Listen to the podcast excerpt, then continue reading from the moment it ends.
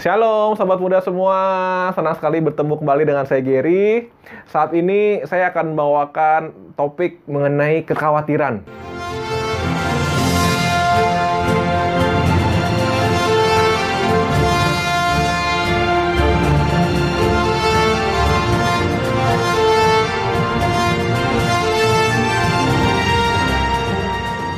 Saya percaya kita semua baik tua muda dewasa, kecil, sering kali kita merasa khawatir dalam hidup ini. Khawatir masa depan, khawatir kita nanti mau kerja di mana, khawatir nanti kita bisa punya anak atau enggak, khawatir nanti usaha kita berhasil atau enggak, omset tercapai atau enggak, benafkai dengan baik, khawatir. Yang sudah tua mungkin nanti khawatir lain lagi. Nanti anak cucu saya enggak ya, hari tua bagaimana, anak-anak sayang atau enggak, dan sebagainya sehat atau enggak, sakit ada apa atau enggak, dan sebagainya. Semua orang pasti mengalami namanya kekhawatiran. Teman-teman semua, saya percaya kalau kita khawatir dalam diri kita muncul kekhawatiran, kita punya pilihan. Pilihan kita tuh ada dua. Yang pertama, ketika kita khawatir, yang pertama kita mau ketakutan, takut atas khawatir kita, atau yang kedua kita memilih untuk beriman jadi ketika kita khawatir, ada dua pilihan yang kita miliki. Kita mau takut, atau kita memilih untuk beriman kepada Tuhan. Teman-teman semua, saya percaya kalau kita takut, itu kita berada di frekuensi di mana iblis yang bekerja sebetulnya. Tapi kalau kita beriman, kita berada di zona atau frekuensi di mana Tuhan bekerja. Kita tentu ingat dengan cerita di mana ketika Yesus menampakkan diri di atas Danau Galilea ketika para murid lagi di atas perahu, tiba-tiba Yesus menampakkan dia dari kejauhan. Lalu Simon, Petrus, melihat Yesus dari kejauhan, dan dia, Yesus mengajak Simon untuk turun ke atas air. Lalu Simon turun ke atas air, dia melihat Tuhan, dia mampu berjalan, tapi seketika itu juga tiba-tiba terjadi badai. Badai terjadi, angin bertiup kencang. Simon yang awalnya fokus kepada Tuhan, dia beriman, dia fokus pada Yesus, tapi tiba-tiba terjadi badai. Badai terjadi, dia yang awalnya fokus kepada Yesus, berada dalam zona iman, langsung pindah zona menjadi ketakutan karena badai yang terjadi. Karena dia pindah zona ke zona ketakutan, langsung dia tenggelam, turun ke air. Moral of the story adalah, teman-teman semua, kalau kita khawatir dan berada dalam zona iman, saya percaya kita dekat dengan mukjizat Tuhan seperti Simon, ketika dia fokus melihat Yesus dari kejauhan, dia berusaha menggapai Yesus, dia fokus, dia bisa berjalan di atas air. Terjadi keajaiban, terjadi mukjizat. Tapi ketika dia pindah zona menjadi khawatir, menjadi takut karena badai yang terjadi, dia tenggelam di atas air. Teman-teman semua, jadi saat ini apa pun kekhawatiran kita saat ini, apa yang kita khawatir akan masa depan, pastikan kita selalu berada dalam zona iman jangan kita berada dalam zona ketakutan. Kenapa? Kalau kita berharap Tuhan bekerja, kita berharap mukjizat terjadi, pastikan kita selalu berada dalam zona iman. Itu. Lalu saya pernah membaca sinopsis sebuah buku. Di situ disebutkan bahwa di Amerika disurvei kepada para pekerja yang bekerja kantoran di Amerika itu disebutkan bahwa ternyata 85% dari apa yang dikhawatirkan oleh pegawai di Amerika itu nggak menjadi kenyataan sebetulnya.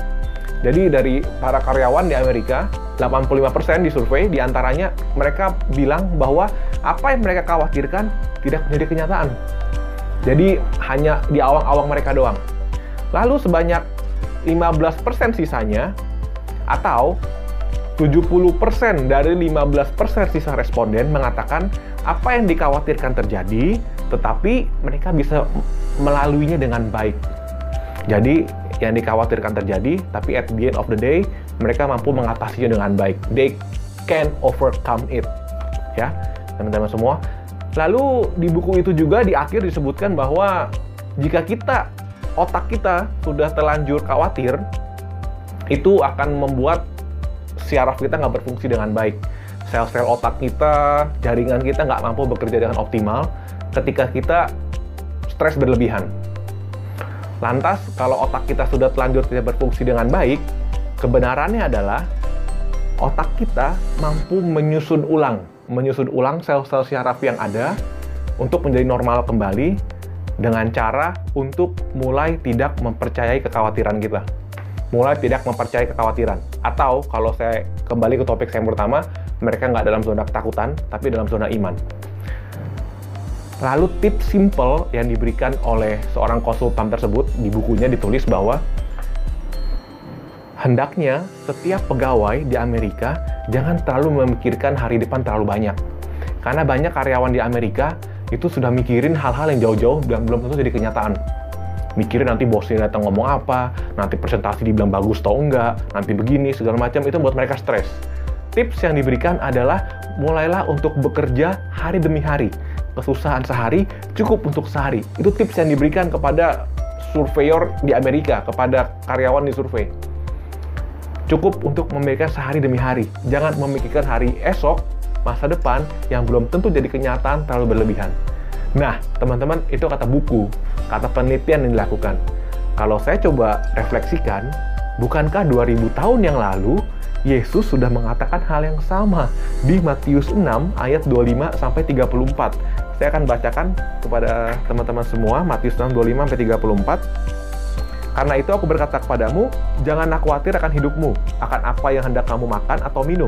Dan janganlah khawatir pula akan tubuhmu, akan apa yang hendak kamu pakai.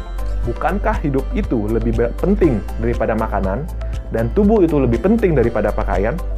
Pandanglah burung-burung di langit, yang tidak penabur dan tidak menuai dan tidak mengumpulkan bekal dalam lumbung, namun diberi makan oleh Bapamu yang di surga. Bukankah kamu jauh melebihi burung-burung itu? Siapakah di antara kamu yang karena kekhawatirannya dapat menambahkan sehasta saja pada jalan hidupnya? Dan mengapa kamu khawatir akan pakaian? Perhatikanlah bunga bakung di ladang yang tumbuh tanpa bekerja dan tanpa memintal. Namun aku berkata kepadamu, Salomo dalam segala kemegahannya pun tidak berpakaian seindah salah satu dari bunga itu. Saya langsung ke ayat 34, sebab itu janganlah kamu khawatir akan hari besok. Karena hari besok mempunyai kesusahannya sendiri. Kesusahan sehari cukuplah untuk sehari. Teman-teman, ini firman Tuhan yang ngomong. 2000 tahun yang lalu, Yesus udah ngomong. Kesusahan sehari cukup untuk sehari. Di era sekarang, seorang peneliti melakukan survei dan ternyata apa yang dikatakan Yesus masih relevan sampai dengan hari ini. Artinya apa? Yesus sudah tahu manusia sampai saat ini pun dari dulu pasti akan khawatir. Dan tips yang dia bilang cuma satu, cukuplah kesusahan sehari untuk sehari. Masalahnya sulit bagi kita untuk seperti itu. Mikir kejauhan, banyak kerjaan yang kita handle, apalagi kalau kita petinggi di perusahaan, mikir ini, mikir itu, dan segala macamnya. Oleh karena itu teman-teman, saya akan kasih sedikit tips untuk praktikal supaya kita nggak khawatir berlebihan. Yang pertama untuk kita semua, hendaknya kita punya prioritas dengan benar dalam hidup. Susun prioritasmu dengan baik. Kenapa? Teman-teman, kalau kita tahu prioritas kita apa, kita akan memanage stres kita dengan baik. Mana yang put kita kasih fokus lebih, yang kita layak untuk kita streskan, mana yang tidak. Semua orang sukses di dunia ini punya yang namanya prioritas, teman-teman. Bank BCA, kenapa jadi bank besar? Dia punya tabungan namanya prioritas. Gunanya apa? Untuk mengatur layanan pada nasabahnya. Sehingga nggak semua nasabah distresin sama Bank BCA. Hanya nasabah-nasabah prioritas yang diberi perhatian lebih. Atau contohnya, mana yang lebih penting? Hidup pernikahan atau pesta pernikahan? Ya, banyak orang muda Katolik komplain sama gereja Katolik. Ngurusin kawin ribet banget, mesti kanonik, mesti khusus pernikahan, mesti segala macamnya. Kenapa? Karena gereja Katolik sudah tahu yang penting itu adalah hidup pernikahan. Banyakan orang fokusin pestanya, ngurusin undangan sampai diet-diet, ngatur catering, bolak-balik foto di balik gunung di tengah laut. Tapi sebetulnya yang penting itu adalah hidup pernikahannya. Jadi, kalau kita mau menikah, fokus pada yang mendukung hidup pernikahan kita. Jangan fokus pada pestanya, cuma tiga jam kelar teman-teman semua.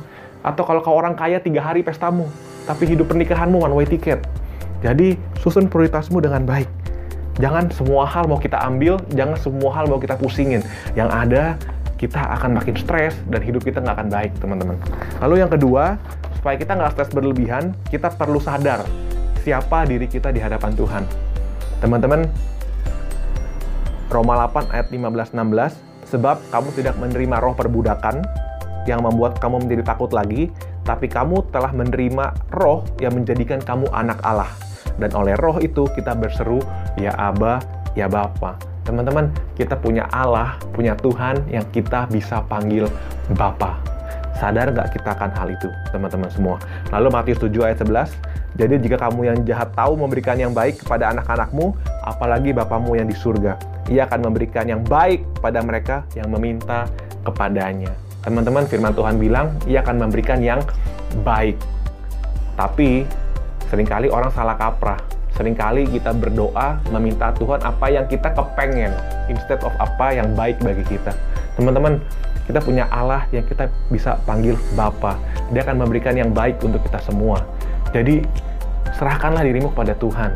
Saya punya anak, anak saya yang pertama perempuan umur tiga setengah tahun dia suka sekali makan McDonald. Setiap kali kalau ngelewat restoran McDonald drive thru dia bisa nangis nangis selalu minta burger. At some point saya bilang no. Nama anak saya Kayla kemarin baru makan sekarang nggak boleh makan lagi. Dia bisa ngerengek ngerengek teman-teman. Dia bisa ngerengek ngerengek nangis nangis minta tetap dibeliin. Karena saya tahu junk food itu tidak baik saya nggak kasih. Mau dia merengek kayak apa pun, saya nggak kasih. Kenapa? Itu nggak baik buat anak saya. Kalau dia makan junk food kebanyakan, bisa sakit. Saya percaya Bapak yang di surga jauh lebih mengerti apa yang baik buat kita. Terkadang apa yang kita minta nggak dikasih, karena dia tahu kalau itu dikasih buat kita, akan membuat kita binasa. Teman-teman semua, itu dari saya. Yang pertama, susun prioritas hidupmu dengan baik. Dan yang kedua, sadari siapa dirimu di hadapan Tuhan. Jika kita melakukan ini dan terus berada dalam zona iman, kita akan lepas dari kekhawatiran. Andai kata kita khawatir pun, kita nggak khawatir berlebih. Karena kita tahu kita punya Tuhan yang menjaga kita, yang tahu yang terbaik buat kita semua. Sampai jumpa teman-teman semua.